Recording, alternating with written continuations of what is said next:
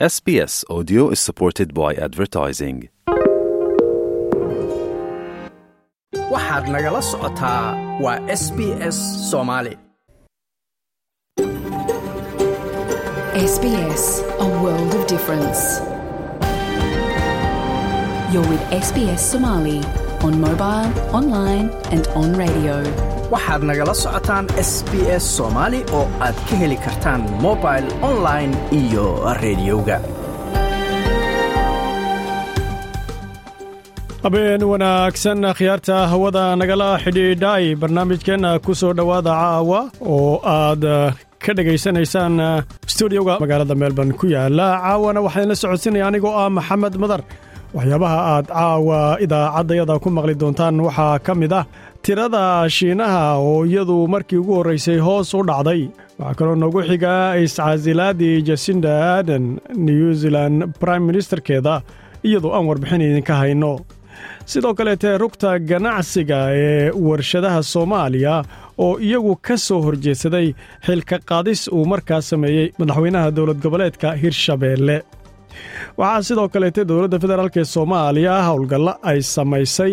ayaa iyaduna sidoo kaleete ay tafaasiil ka bixisay baan warbixin idinka hayna. Xubin warbixin oo dhanka isboortiga ah ayaan iyadana idiin hayna oo xiise badan leh. Haatanse warkii qodobadiisii.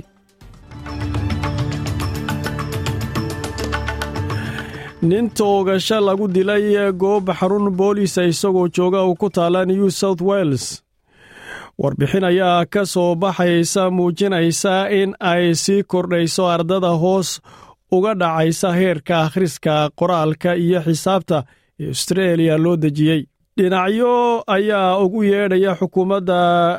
w a western australia inay istaajiso si xunula dhaqanka maxaabiista da'da yar. Haatana warkii oo fidsan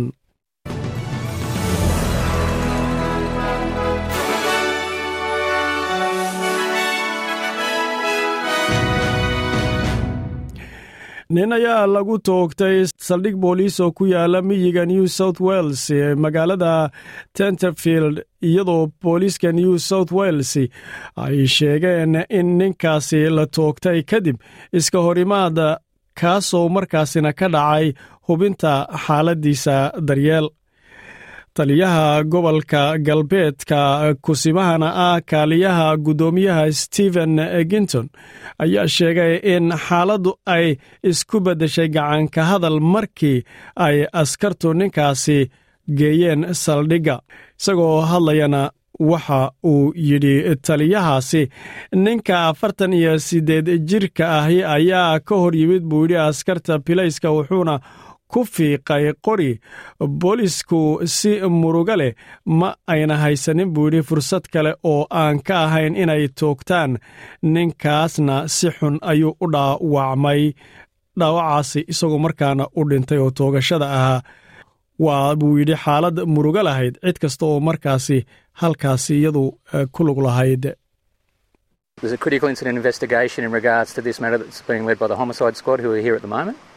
Um, that will be oversight, overseen by uh, the Law Enforcement and Conduct Commission. Um, uh, halka warkaasi aad kala socotaan waa laanta afka soomaaliga ee idaacadda s b s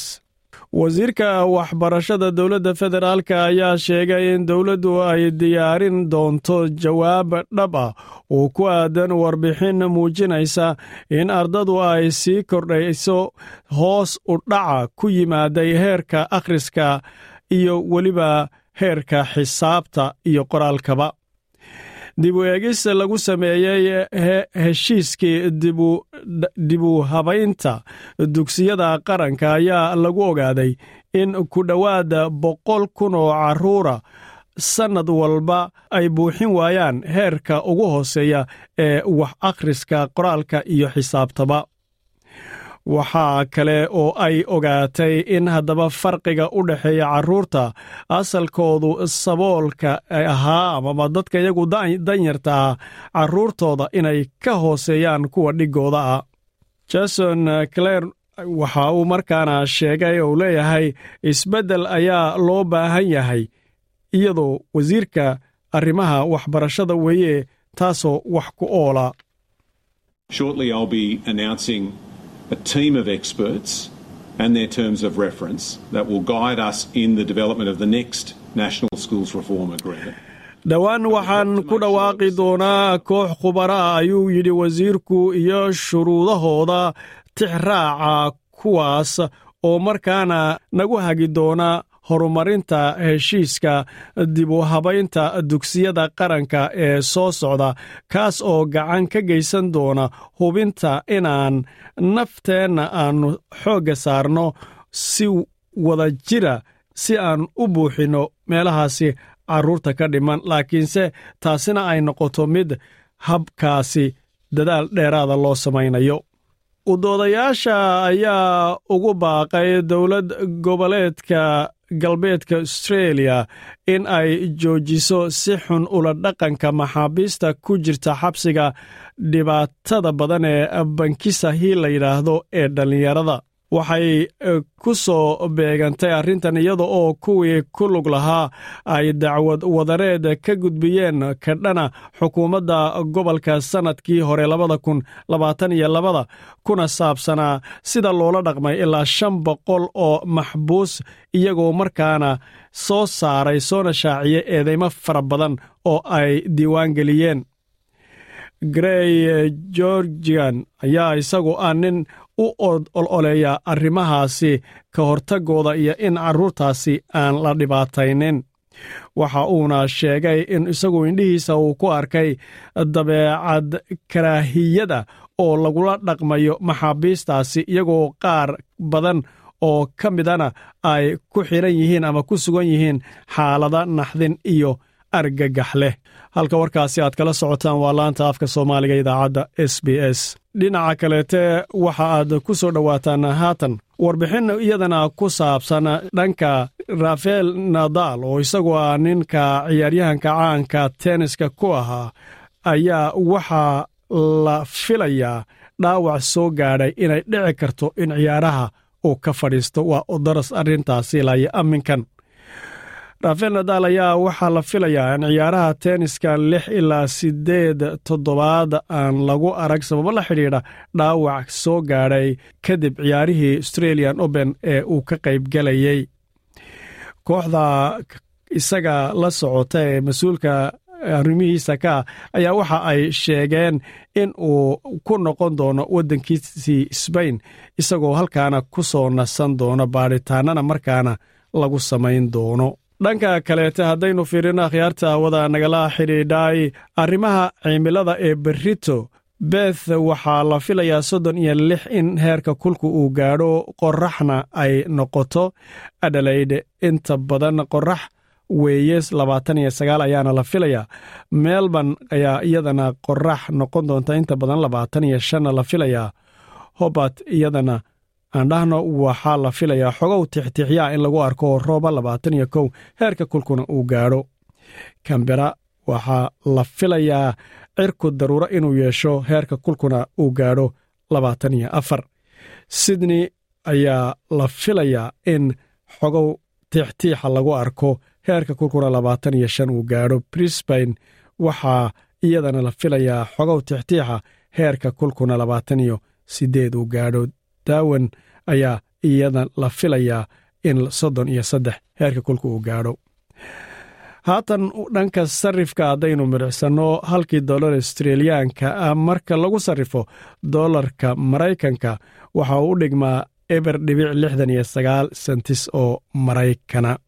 Haddii dhanka kale loo fiiriyana halkii dollar ee maraykanana waxauu noqonayaa hal dollar dhibic afartan iyo afar markaasi dolarka austreeliya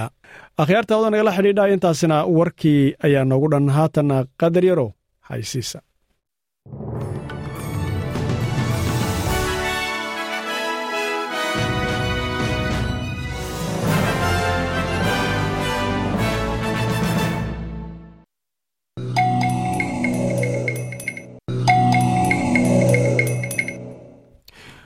waxaana wanaagsan akhyaarta hawada nagala xidhiidhay barnaamijkeenna bilowgiisa. Innagoo ku jirna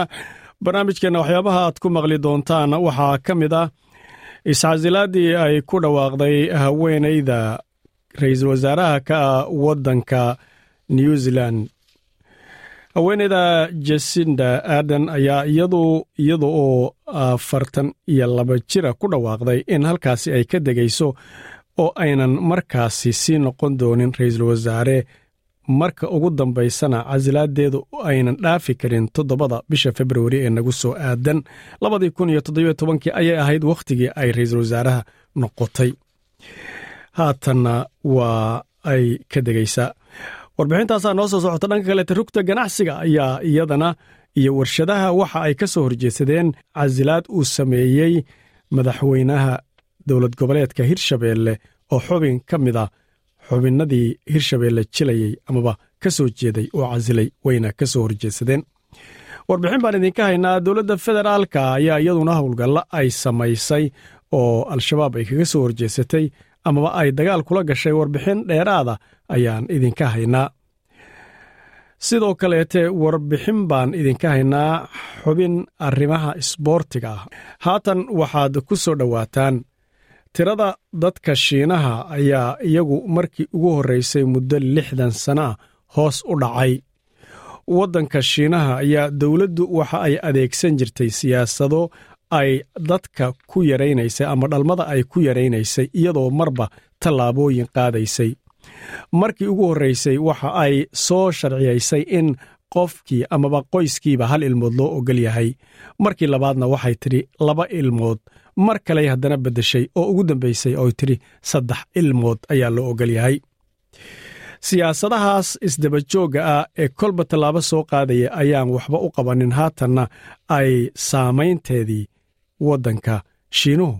hoos oogu dhacday dadka iyagu haatan yaryarka ah ee shaqada qaban kara ama da'da yar iyadoo dadkii waaweynaana ay kor u kaceen. Taasina la dhihi karo shiinuhu wuxuu eeday siyaasaddii dhalmada uu ku yareeyey. Warbixintaasoo dhammaystiran dhegaysi wacan. Tirada shacabka shiinaha oo hoosudhaca uu ku yimid markii ugu horraysay muddo lixdan sano lagu qiyaasay iyadoo cabsi ay jirto arrintani in dhaqaalaha ay si culus saamayn ugu geysato qaramada midoobay ayaa iyadu waxa ay odorostay in ay hoosudhac uu ku imaanayo dadka iyagu shiinaha ah tiradoodu oo ay gaadhi doonaan hal dhibic saddex milyaar oo qof sannadda laba kun iyo kontonka. Iyadoo xogaha ka soo baxaya xafiiska qaranka ee tirakoobka waddanka shiinaha ay xoojinayso filashooyinkaasi qaramada midoobay halkaasoo hoos u dhaca tirada dadka degaanka ahaa ee waddanka shiinaha ku nool ay hoos u dhacday markii ugu horraysay taniyo laga soo bilaabo kun sagaal boqol lixdan iyo kowgii tiro gaadhaysana ay hoos ugu dhacday siddeed boqol iyo konton kun oo qof. Sannadii na dhaaftayna ay arrintaasi dhacday labadii kun iyo labaatan iyo labadii halkaasina ay shiinuhu tiradoodu haatan noqdeen hal dhibic afar milyaar oo qof inkastoo xukuumadda shiinuhu ay haatan faraha ka qaaday siyaasaddii halka cunug ee waalidka loo ogol yahay reerku inay dhalaan loona ogolaaday qoys kasta inay dhalaan haatan ugu dambayn saddex ilmood. Weliba la siinaya dhaqaalo lagu taageerayo balse waxa ay ku fashilantay taasi inay kor u qaaddo dadka tiradooda waxaana la sheegayaa in taasi ay keenayso in shiinuhu uu lumin doono magaca ay qaateen ee ay haatan haystaan ee ah dowladda ugu weyn ama ugu dadka badan dunida caalamka markii la yidhaahdo tirada dadka. Iyadoo ayna ku soo xigto waddanka indiya taasoo haddii ay ka fuqdo ama ay hoos oga dhacdo hindiya ay ku soo boodi doonto. Sababaha hoosu dhacaasi ayaa haddaba siyaalo badan loo kala fasirayaa dhaqaalyahanada fadhigeedu uu yahay hong kong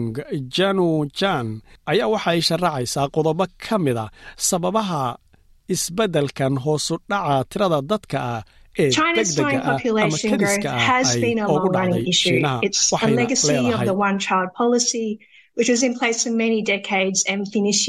which was in place for many decades and finishing in 2016. But it's also some social and kobaca dadweynaha ee shiinaha ee hoos u dhacaya ayaa ahaa arrin muddo dheer socotay. Waa dhaxal ka mid a siyaasadda halka cunug oo jirtay tobannaan sano oo soo afjarantay labadii kun iyo lix iyo tobankii. Laakiin sidoo kale waa arrimo bulsho iyo dhaqaale. Haddii aad weydiiso dad badan oo shiinaha ah waxay kuu sheegi doonaan inay runtii qaali tahay korinta ilmo taasina waxay sidoo kaleete kordhinaysaa heerka dhalashada ee hoos u dhacaya.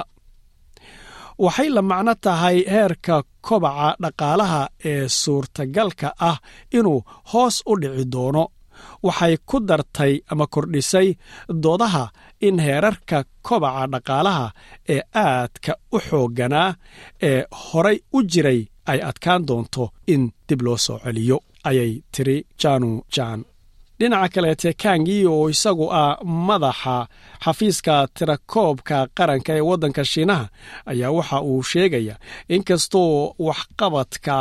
aadka u hooseeya uu jiro ee shiinaha iyo hoosudhaca dhanka tirada balse shiinaha dowladdiisu waxa ay rajo ka qabtaa in The dhaqaaluhu national hore u sii economy socdo is ama resisting ayba the pressure sheeganaysaa. and Waxa continuing uu to yidhi, develop, with total economic volume reaching a new level. dhaqaalaha qaranku waxa uu ka hortegayaa cadaadiska oo waxa uu sii wadaa horumarka iyada oo wadarta guud ee dhaqaalaha uu gaadhay heer cusub. Macadka pew research center la yidhaahdo waxa uu isagu ku soo koobay sababaha hoosudhaca tirada dadka shiinuhu inay tahay hoosudhaca ku saabsan diyaargarowga guud ee dadku ay markaasi u helan yihiin iyadoo haatan sannadiina dhaaftay ay gaadhay hal dhibic siddeed iyo toban cunug inay ku aadan tahay haweenay kasta tanoo in badan ka yar heerarka caalamiga ah ee ahaa haweenay kasta in loogu talagalay ama lagu aadiyey laba dhibic hal iyadoo ku xidhan tahay dhalmada hoos u dhacday si guud ahaaneed. Waxaa haddaba haweenka shiinuhu ay iyagu doortaan midii wax dhalaysa xataa in sannad dambe oo markaana ay kii horey ku dhali jireen ka weyn ay ku dhasho. Taasoo heerarka sannadka wax lagu dhalo labadii kun uu kor oga kacay labaatan iyo lix jir iyagoo haatan ay ku bilaabaan dhalmada sida ay u badan yihiin weeye labaatan iyo sagaal jir. Xarunta cilmi baadhista ayaa waxay sidoo kale sheegtay gabowga ama dadka iyagu waayeelka ah inay ku sii badanayaan waddanka shiinaha ee ka weyn lixdanka sano waxayna ka matelayaan bulshada boqolkiiba labaatan. Iyadoo sidoo kaleetana dadka iyagu ragga ah ama labka dhalanaya uu ka badan yahay dadka dhadiga ah ee dhalanaya oo weliba raggu markaasi uu ka badan yahay soddon milyan marka la fiiriyo sannadkiina laga soo bilaabo labada kun iyo labaatan iyo kowga xogaha la helayo ayaa waxaa kaloo jirta in dadka ka hijroonaya ee ka cararaya kana baxsanaya waddanka ay aad uga badan yihiin dadka iyagu waddanka soo galaya. Cilmi baadhaha shiinaha ee arrimaha maaliyadda ee kai wiil la yidhaahdo waxa uu sheegay kobaca dadka ee hoos u sii socda waxa uu tusinayaa ama ifinayaa khatar soo food leh oo ku saabsan kobaca bulshada ee waddanka shiinaha. Wuxuu intaana ku daray in xukuumadda iyo dhinacyada kale arrintaasi ku howlan loo baahan yahay in ay tallaabooyin wax ku oola ka qaataan gaar ahaan in ay siiyaan taakulayn qoysaska iyagu carruurta leh ayna siiyaan dhaqaale dhaba oo ka caawinaya waxbarashada caafimaadka iyo weliba shaqadaba si ay uga fududaato culaysyada ku saabsan carruurta ay dhaleen iyadoo mas'uuliyaddana loo baahan yahay buu idhi inay kala qaybsadaan qoyska xukuumadda iyo bulshaduba. Sababaha ay haddaba u guulaysan weyday dadaalada boorinta ah ee dhalmada loo sameeyey ayaa macadka uwa population research institute waxa uu isagu sheegayaa in cabsidaasi ay sabab u tahay oo haweenku ay markaana ka sii fogaanayaan in ay carruur dhalaan. Cilmi baadhayaal kaleete waxa ay sheegayaan sidoo kaleete dadka doonaya inay wakhti dheer noolaadaan oo ay gabowga ka fogaadaan ayna noqdaan wakhtiga ay macaashka ama waxa loo yaqaana howlgabnimada marka ay galaan ay nolol fiican sii galaan inay ka fogeynayso inay carruur iyo reero ku mashquulaan iyadoo sidoo kaleetana ay jirtay aragtiyo la arkay oo saamayn yeelatay dadka iyagu guursanaya ee weliba da'da yar inay dhibaatooyin dhaqaale la kulmeen sababo la xidhiidha guryaha oo qaaliya daryeelka caafimaad oo isaguna aad u sarreeya taakulaynta amaba kaalmaha ay xukuumaddu bixisana ay aad u hoosayso. Bakiin ayaa waxa ay bixisay taakulooyin dhowra oo ay siisay reeraha isqaba iyadoo ku boorinaysa dhalmada taasoo ay weliba siisay lacag hoosna ooga dhigtay ama ka raqiysisayba canshuuraha laga qaadayay ayna ku taakulaysay amaba ay mudnaan ku siisay degaanada la siinaya dadka. Balse wax badan oo arrimahaasi ah hor umar ma keenin sababtoo ah heerkii loo baahnaa inayna gaadhin ayaa la rumaysan yahay ka jawaabidda saamaynta ay leedahay hoosudhaca dadku. Mas'uuliyiintu tallaabooyin ayay sannadihii ugu dambeeyey qaateen si ay hoos ugu dhigaan ama ay u hakiyaan hoosudhaca weyn ee haatan soo muuqday ee dadka ku saabsana. Balse taasi waxa ay ku soo koobantay tallaabooyin markaasi aan weynayn oo wax weyn aan qabannin markii la fiiriyo waaqica haatan bulshoodee taagan kobaca degaanka kobaca dadka ee hoos u sii socda wuxuu ka mid yahay ama waxauu ka dhigan yahay in tirada dadka waayeelku ay kor u kacaan taasina macnaheedu ay tahay awoodda shaqaaluhu inay aad u yaraato oo dowladdu markaasina ay heli weydo dadkii farabadnaa ee canshuuraha ay ka qaadi jirtay waxna soo gelin jiray. Tallaabooyin ay isku dayday dowladdu waxaa ka mid ahaa inay wax ka beddasho sannadka howlgabka oo markaasi raggu ay ku howlgabaan lixdan sano dumarkuna shan sano ay ka yar yihiin oo konton iyo shan ay ku howlgabaan oo afartan sano socotay. Tan oo keentay in dadku horumarka yimid sannadaha inay noolaadaan la qadarayana ay sii korodhay taasina ay geesinimo gelisay in kor loo qaadi karo sannadka howlgabka waxaa soo baxay xukuumadda shiinuhu inay soo bandhigtay shan sano in kor markaasi loo qaado balse ma aynan gaadhsiinin heer. Si fiican fulintiisa loo bilaabo ilaa iyo amminkanna lama soo bandhigin oo goobaha uu baarlamaanku ka mid yahay ee lagu niqaasho ma aynan keenin. Waxaa haddaba khubarada qaarkood ay sheegayaan isbedelada dhanka tirada dadkaa iyo dhanka dhaqaalaba ee shiinaha ku socda in ay aad ooga sii weyn tahay siyaabihii la filayey khubarada qaarkood ayaa waxa ay sheegeen in haddaba shiinuhu ay u baahan yihiin inay wax ka beddelaan siyaasadahooda arrimaha bulshada dhaqaalaha gaashaandhigga iyo weliba arrimaha dibadda si ay oola jaanqaadaan hoos u dhacan dhanka tirada dadka ah oo ka soo hormaray toban sano filashooyinkii mas'uuliyiinta waddanka shiinaha iyo weliba qaramada midoobay akhyaarta hawada nagala xidhiidhay intaasi waxaa noogu dhan warbixintii tirada shiinaha ee hoos u dhacday muddo lixdan sano aha gudahood iyadoo taasina ay ka dhigan tahay shiinuhu inuu eeday tiradii dadka ee yaree uu islahaa amaba yaraynta dhalmada ee qorshe uu ka dhigtay. Isagoo saddex goor maruu mar ka dhigay hal ilmood ka dhigay marna laba ka dhigay haatanna taagan. Saddex inuu ka dhigay taagan ilaa amminkanna ay kor u soo qaadi laadahay. Isu barbardhigga ama isu dheelitirka dadka da'da yar iyo dadka gaboobay. Oo dadka gaboobay ay hadda badanayaan heerarkii loogu talagalay ay ka badanayaan. Culaysna halkaasi uu ka yimid. Akhyaartooda nagala xidhiidhay qadar yaro xaysiis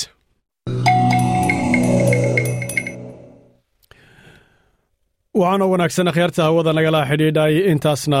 waxaa haatan nagu dhammaaday qadar yaro xaysiisa haatan akhyaarta hawada nagala xidhiidhay. Waxaa inoo soo socda rugta ganacsiga warshadaha soomaaliya oo iyagu ka soo horjeedsaday xilka qaadis uu madaxweynaha hirshabeelle sameeyey iyagoo ku andacoonaya rugtu inay ka madax bannaan tahay arrimaha siyaasadda. Warbixin waryaheennu noo soo diraa. Soo socota dowladda federaalka oo howlgallo ay ka samaysay goobaha qaarkood oo abaabulan warbixin ka samaysay ayaa iyadana aan warbixin idinka haynaa.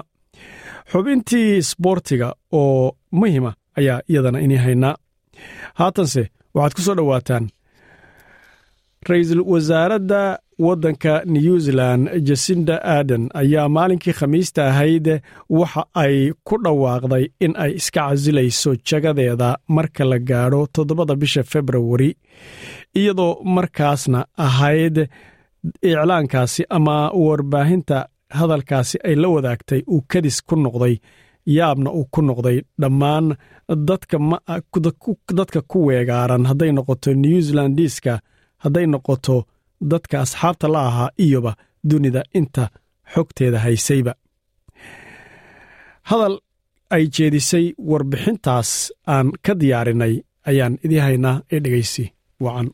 Ra'iisul wasaaraha waddanka new zealand jasinda aden ayaa maalintii khamiista ahayd sagaaliyo tobankii janawari labada kun iyo labaatan iyo saddexda waxa ay ku dhawaaqday in ay iska casilayso ra'iisul wasaarenimada waddanka new zealand iyadoo sheegtay in iscasilaadeeduna ayna dhaafi doonin toddobada bisha februari ee nagu soo beegan. Jasinda aden ayaa daaha ka qaaday dhibaatooyinka hoggaaminta qaranka ay leedahay wakhtiga ay ku dhawaaqaysay go'aanka waxa ay ahayd runtii bilow dareen leh iyadoo soo afjaraysa muddo shan sano iyo badha oo waddanka ay hoggaaminaysay waxayna tidhi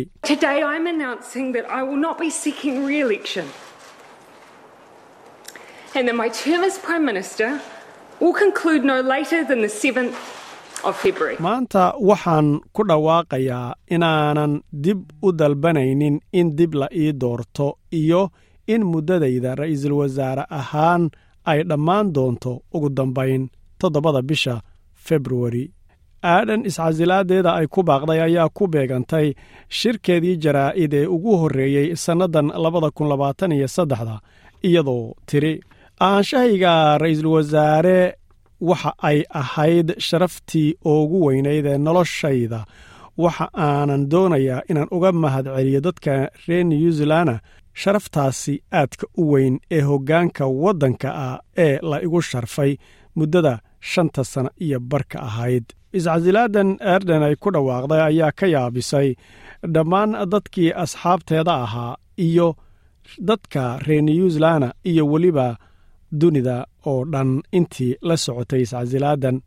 sababtuna waxa ay ahayd iscasilaadan oo iyadu aan wax hordhaca lahayn amaba aanan la filaynin. Ifafaalo horena aan laga sii haynin jasinda arden iyadoo afartan iyo laba jira ayaa waxaa loo doortay ra'iisul wasaarenimada waddanka new zealand labadii kun iyo toddobiyo tobankii iyadoo soddon iyo toddoba jir ahayd. Waana mid ka mida haweenka ra'iisul wasaarenimada soo maray adduunka kuwooda ugu da'da yaraa waana gabadhii labaad ee iyadoo ra'iisul wasaarenimada haysa hooye noqotay. Waxa ayna tiri iyadoo hadlaysaa markii aad qabato kaalintan aadka u weyn ayaa mas'uuliyaddu ay imanaysaa ayay tidhi.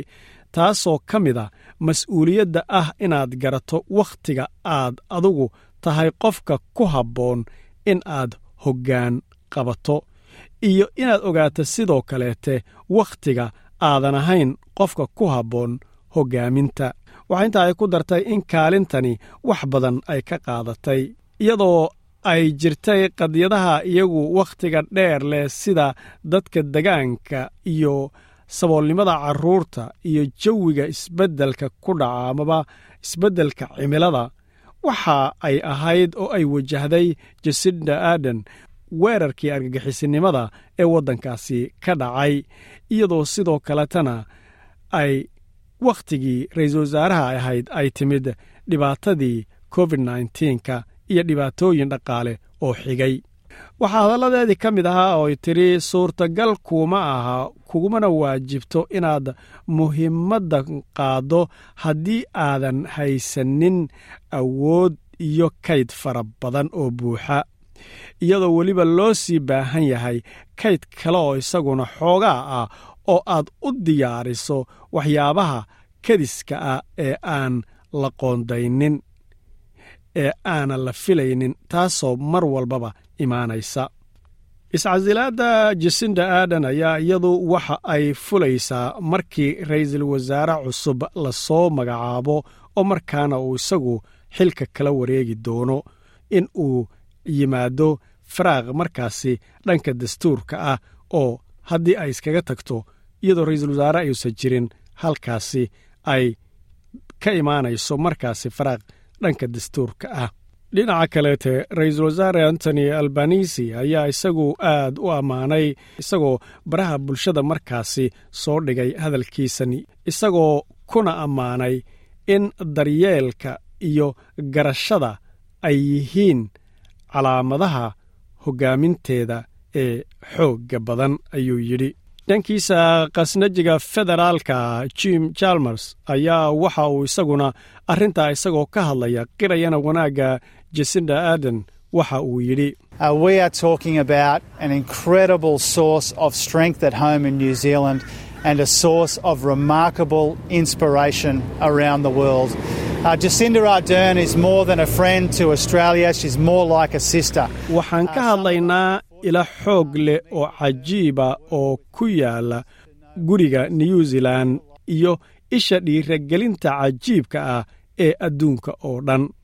Jasinda aadam buu yidhi way ka weyn tahay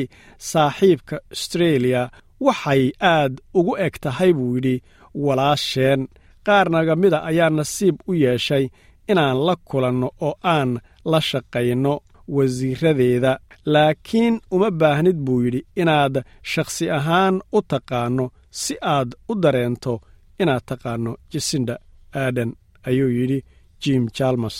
xisbiga leybarka oo iyadu ay haatan hogaamiye u ahayd ayaa waxa ay gali doonaan doorashada hoggaanka markaasi xisbiga qaban doona maalinka axadda ah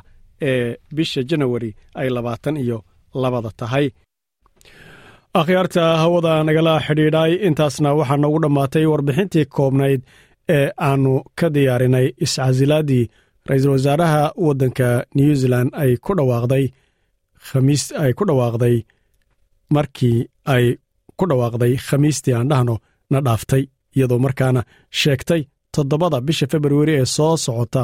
in aynan la dhaafaynin hoggaaminteeda xagga ra'iisul wasaarenimada iyadoo markaana marka ra'iisul wasaare kale la magacaabo ay noqon doonto wakhtiga ay ku eg tahay markaas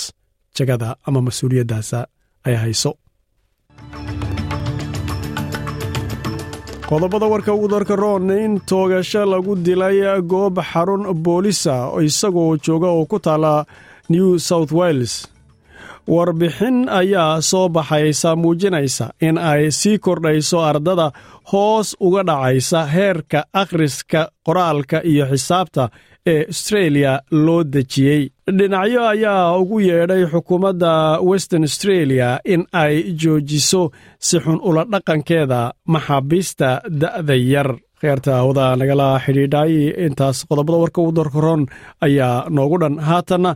waxaa weli noo soo socdaa barnaamijteenna warbixinadii ayna weli ka dhammaanin. Dowladda federaalk ee soomaaliya oo howlgallo ay samaysay oo qorshaysan shabaabkana ay kala hortagtay ayaan warbixin idinka haynaa. Warbixin gaara oo isboortiga ah ayaana iyadana warbixin idinka haynaa. Haatanse waxaad ku soo dhowaataan rugta ganacsiga iyo warshadaha soomaaliya ayaa ka soo horjeedsatay xilka qaadista uu isagu madaxweynaha dowlad goboleedka hirshabeelle cali cabdulaahi xuseen uu isagu markaasi ku sameeyey guddoomiye ku-xigeenka rugta ganacsiga hirshabeelle xaliimo cabdulaahi fiidow iyadoo ay tiigsanayaan in ay yihiin rug ganacsi ahaan kuwa ka madax bannaan maamulada oo aynan siyaasaddaasi saamaynaynin warbixintaasi ku soo dhowaada. Rugta ganacsiga iyo warshadaha soomaaliya ayaa ka soo horjeesatay xilka qaadis uu madaxweynaha hirshabelle cali cabdulaahi xuseen ku sameeyey guddoomiye ku-xigeenka rugta ganacsiga hirshabelle xaliimo cabdulaahi fiidow kulan ay muqdisho ku yeesheen hogaanka sare ee rugta ganacsiga iyo warshadaha iyo ganacsatada caasimadda ayay kaga hadleen in aan la aqbali karin wareegtada uu soo saaray madaxweynaha hirshabelle ee xilka looga qaaday guddoomiye ku-xigeenkii rugtaasi ee hirshabelle islamarkaana rugtu ay tahay hay'ad ka madax bannaan siyaasadda dawliga ah midda federaalk iyo kuwa maamul goboleedyaduba. Agaasime ku-xigeenka rugta ganacsiga iyo warshadaha ayaa akhriyey war-saxaafadeed kulankooda ka soo baxay. Waxaan qormadan ku xusaynaa xasuusanaynaa in dhammaan dadweynaha soomaaliyeed ganacsatada iyo khaas ahaan mas'uuliyiinta siyaasadeed ee heer kasta ha noqoto federal ama ha noqoto maamul goboleed in rugta aqoonsigeedu ku soo baxay xeer madaxweyne lagu xeeriyey xeer number saddex siyeed bisha taarikhda markay ahayd labaatan iyo lixdii julaay toban iyo labadii. Ka horeysana dhismaha rugta ganacsiga oo ku abbaarneyd taarikhda markay ahayd saddexda bishii saddexaad isla sanadkaas toban iyo labada oo si madax bannaan ay isu doorteen ganacsato soomaaliyeed. Waxaan qormadan ku caddaynaynaa in rugta ganacsiga iyo warshadaha soomaaliyeed tahay hay'ad ka madax bannaan siyaasadda dawliga ah ha noqoto heer federaal ama heer goboleedba. Maamul ahaana markaad fiirisid rugta ganacsiga ee maamul goboleedyada waxay si toosa u hoos yimaadeen uga tirsan yihiin rugta ganacsiga soomaaliyeed iyo warshadaha ee caasimadda fadhigeedu yahay sidaa daraaddeed waxaan qoraalkan ku caddaynaynaa in warqadan madaxweynaha maamul goboleedka hirshabeelle uusan sharciyad u lahayn inuu xil uga qaado xilkuqaadis ku sameeyo guddoomiye ku-xigeenka rugta ganacsiga ee hirshabeelle marwe xaliimo cabdulaahi fiidow. Ugu dambayntii rugta ganacsiga warshadaha soomaaliyed waxay aqoonsan tahay weli in guddoomiye ku-xigeenka rugta ganacsiga hirshabeelle marwo xaliimo ay tahay ku-xigeenkeedii oo booskeedii weli uu joogo. Wasalaamu calaykum. Dhankiisii guddoomiyaha rugta ganacsiga iyo warshadaha soomaaliya maxamuud cabdikariin gabayre ayaa sheegay in rugta ganacsigu ay tahay hay'ad madax bannaan oo iyagu isdoorta islamarkaana ay ka dhexayso wada shaqayn waxaana uu nasiib ku tilmaamay in xilligan khilaaf laga dhex abuuro rugta ganacsiga iyadaa isdoorata ayagaana doorasho ku kala baxa. Xilliga xilkeeda oo dhammaadana waa la doortaa doorashadaasna laysku wada ayidaa dhibna kama yimaado. Madaxweyne xaalada wadanku ku jiraa xaaladda uu ku jiro oo hadda aan ku jirnana ma fiicna in ganacsatada soomaaliyeed ay hadda isku dhacaan ama la abuuro dhibaato oo ganacsatada dib laysugu keenayo rugaha ganacsiga warshadaha soomaaliyeedna ayagoo madax bannaanay waxay ku midaysan yihiin rugta ganacsiga iyo warshadaha soomaaliyeed ku midaysan yihiin. Marka sidaa darteed waxaan leeyahay xaliimo weli waxaa noo joogtaa booskaagii oo ahaa guddoomiye ku-xigeenka rugta ganacsiga iyo warshadaha hirshabeelle khaasatan qaybta baladweyne oo hadda iyadu ay fadhigeedana waana dhihi karaa gabadha ugu firfircoon uguna shaqo badan waaye. Xaliimo markaad fiiriso waxa ay qabatay iyo waxa inala qabatay. Xaliimo waxay ahayd qoftii u taagnayd maxaanku irahdaa abaarihii ka dhacay gobolkaas hirshabeelle iyo maxaanku irahdaa jowhar oo runtii mar walba dhibaatooyinka ay ku badan yihiin sida biyobaxada maxaanku irahdaa fatahaadda webiga iyo mararka qaar abaaruhu ay yimaadaanba akhyaarta hawada nagala xidhiidhay intaasna waxaa noogu dhannaatay warbixintii dhanka rugta ganacsiga ee waryaheenna uu soo tabiyey. Barnaamijkeenna inagoo haatan gebagabadiisii ku sii siqayna oo weli uu noo hadhay ama ay noo hadhay warbixin ku saabsan dhanka isboortiga oo aad u soo diyaariyey waryaheenna oo taabanaysa isboortiga guud heer caalamina ah oo aad sugaysaan ayaa haatanna waxa aad ku soo dhowaanaysaan. Dowladda federaalka ayaa faahfaahin ka bixisay howlgal qorshaysan oo ka dhan ah al-shabaab kaasoo saacadihii la soo dhaafay ciidamada xoogga iyo kuwa nisaba ay ka fuliyeen deegaanka xawaadley ee gobolka shabeellaha dhexe waa haddaba sida haddaba arrintani ay sheegtay ilaha dhanka dowladda warbixintan ay bixisay ayuu wariyaheennu inoo soo tabiyey dhanka muqdisho cabdi xafiid zaciimka.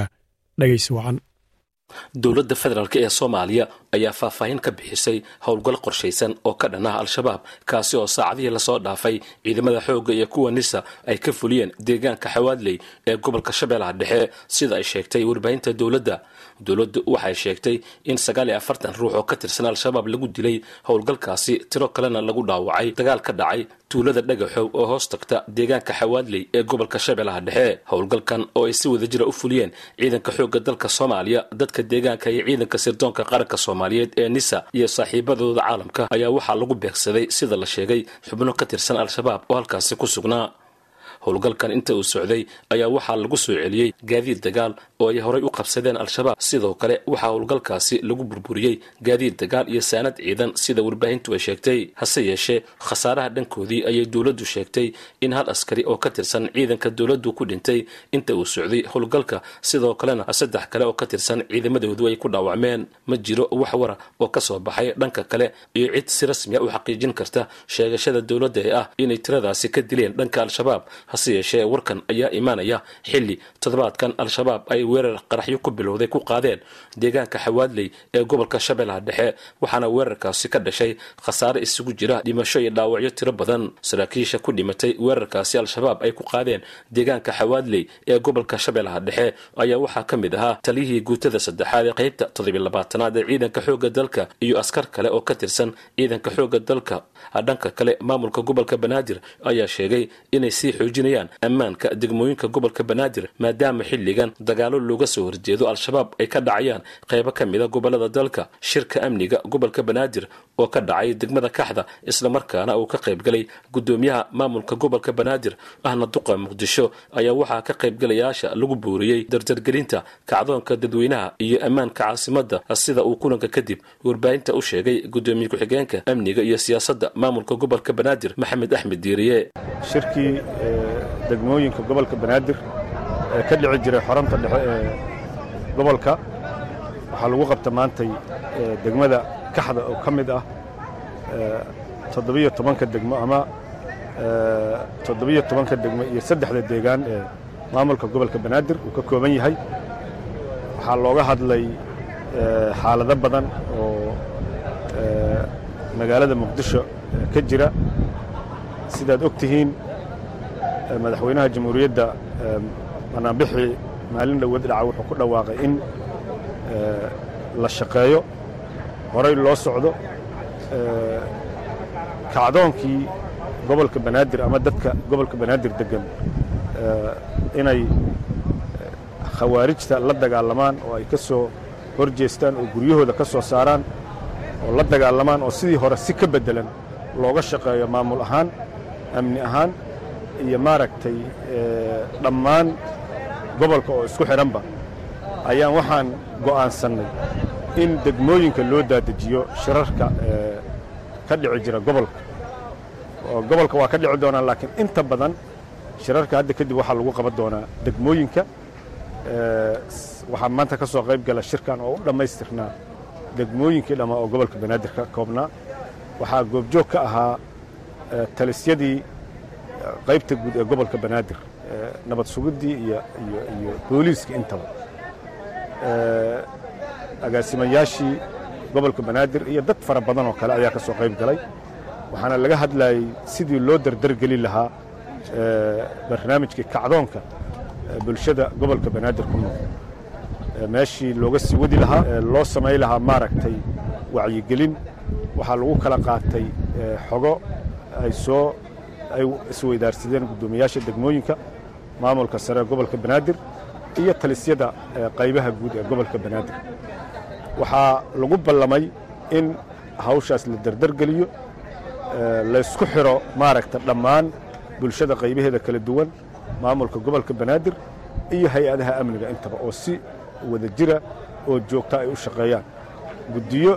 in la abuuro oo maaragta guddiyadii ka shaqay lahaa hawlahaas sida wax u qabsoomeen loo kormeeri lahaa hawlaha socda loogu samay lahaa maaragta in dabagal loogu samay lahaa. Hawlihii maantay laga wada hadlay soona bilowday xilligii kacdoonka uu ku dhawaaqay madaxweynaha jamhuuriyadda in la dabagalo sida ay wax u fulayaan khiyaarta wadaa nagala xidhiidhay intaasina waxaa noogu dhammaaday barnaamijkeenii dowladda haddaba federaalka soomaaliya ay soo bandhigtay ee warbixinta howlgallada ay ku samaysay. Haatan akhyaarta hawada nagala xidhiidhay waxaad ku soo dhowaataan warbixin haddaba ku saabsan sboortiga oo aad kaga bogan doontaan ciyaarihii u dambeeyey ee dhacay adduunka iyo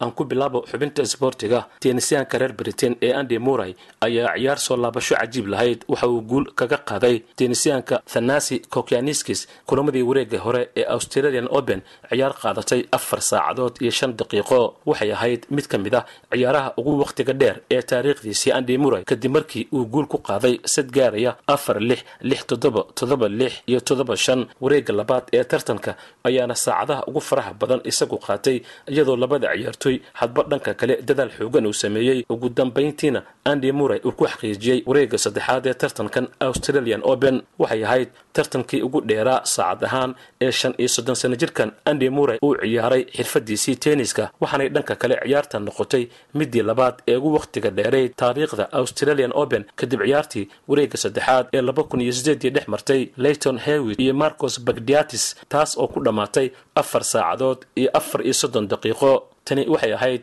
ciyaar la yaab leh. Waxaa jiray niyadjab xiisad xamaasad. Dhammaanba waxyaabahaasi ayay lahayd ayuu yidhi andy muray oo warbaahinta la hadlay guusha kadib muray ayaana noqonaya muwaadinkii labaad ee british ee isagu sanadkan gaara wareegga saddexaad tartankan melbourne bark ka socda isagoona ku biiray dani evanis oo horey u soo gudbay. Iyadoo sidoo kale cameron norne uu rajaynayo inuu isna ku soo biiro haddii uu garaaco da'yarka u dhashay jek republic ee jiri lahejka oo uu la kulmi doono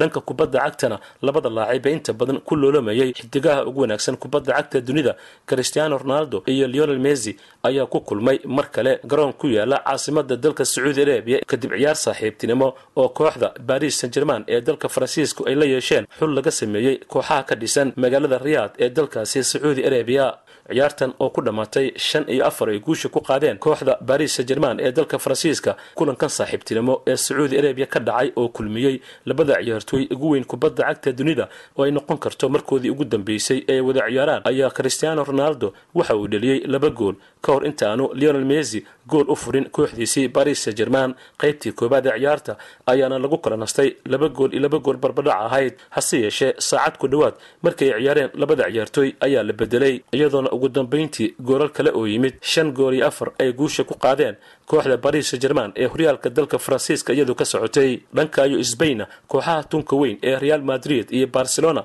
ayaa u soo gudbay wareegga arbudhamaadka koobka boqorka dalkaasi ee coba del rey. Kooxda barcelona ayaa shan gool eber waxay kaga adkaatay kooxda heerka saddexaad iyadoo ciyaarta ee edi queta halka kooxda real madrid ciyaar soo laabasho cajiib lahayd ay saddex iyo labo kaga adkaatay. Kooxda villareal qaybtii koowaad ee ciyaartan ayaa lagu kala nastay laba gool eber oo hogaanka ay ku hayaan kooxda villareal hase yeeshee qaybtii labaad ayay madrid waxay sameeyeen isbeddel xoogan iyagoona u suurta gashay in saddex gool ay ugu bedelaan labadii gool ee lagu lahaa sidaana labaiyo saddex ay guusha ku qaadeen waxaana labada kooxood barcelona iyo real hadda ay soo tiigsadeen wareegga ruucdhamaadka coba del rey. Dhanka iyo ingiriiskana kulan ciyaareed ku tirsan horyaalka premier leaga ayaa la ciyaaray kooxaha manchester city iyo tottenham ayaa wada kulmay iyadoo afar iyo labo ay guusha ku qaaday kooxda difaacanaysa horyaalkaasi ee manchester city oo qaybtii koobaad lagu nasiyey laba gool iyo waxba. Hase yeeshee qaybtii labaad ayay wiilasha beb guardiola dadaal xoogan ay sameeyeen. Waxay ugu suurta gashay in afar gool iyo labo ay guusha ku qaadaan. Dhanka iyo dalka talyaanigana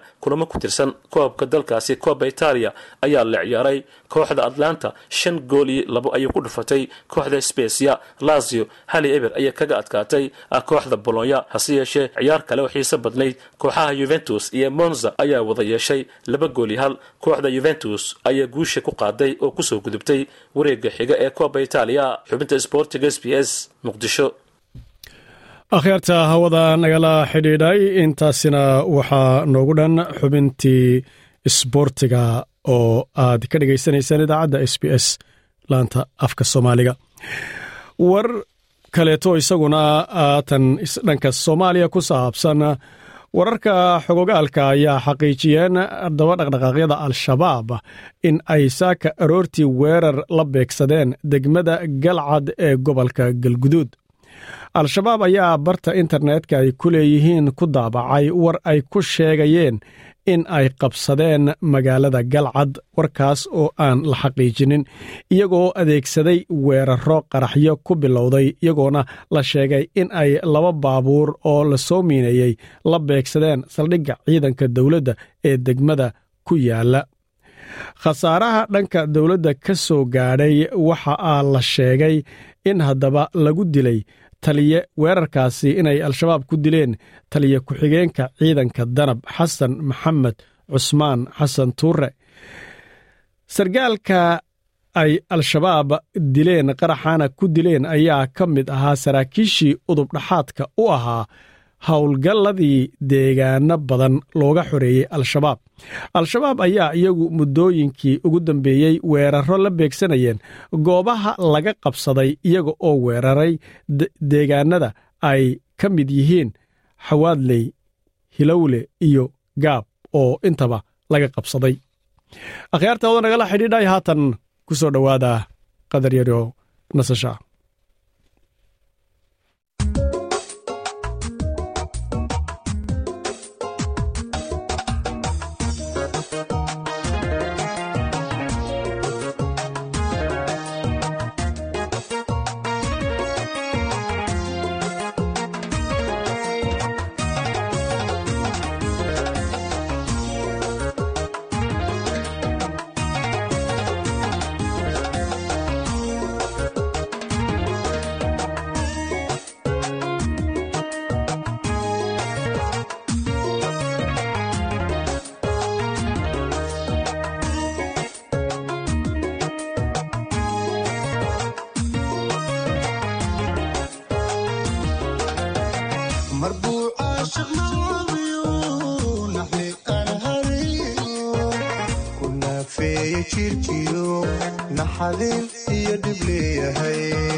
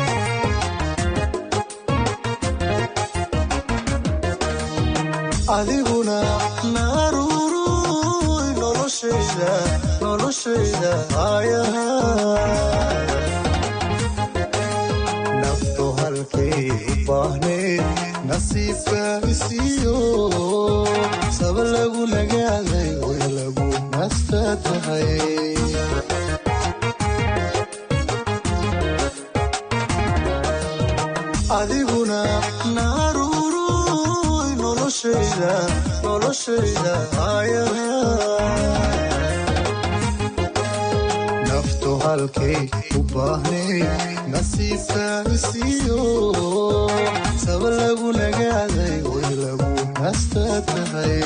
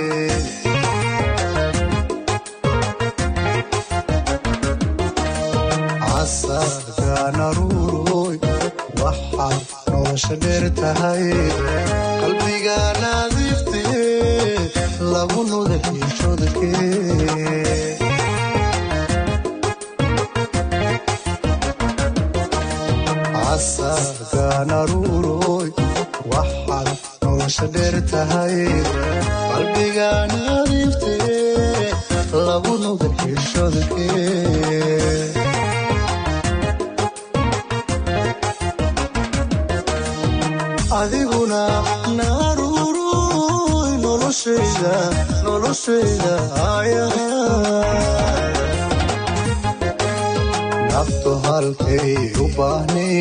nafsiiska isiiyo saba lagu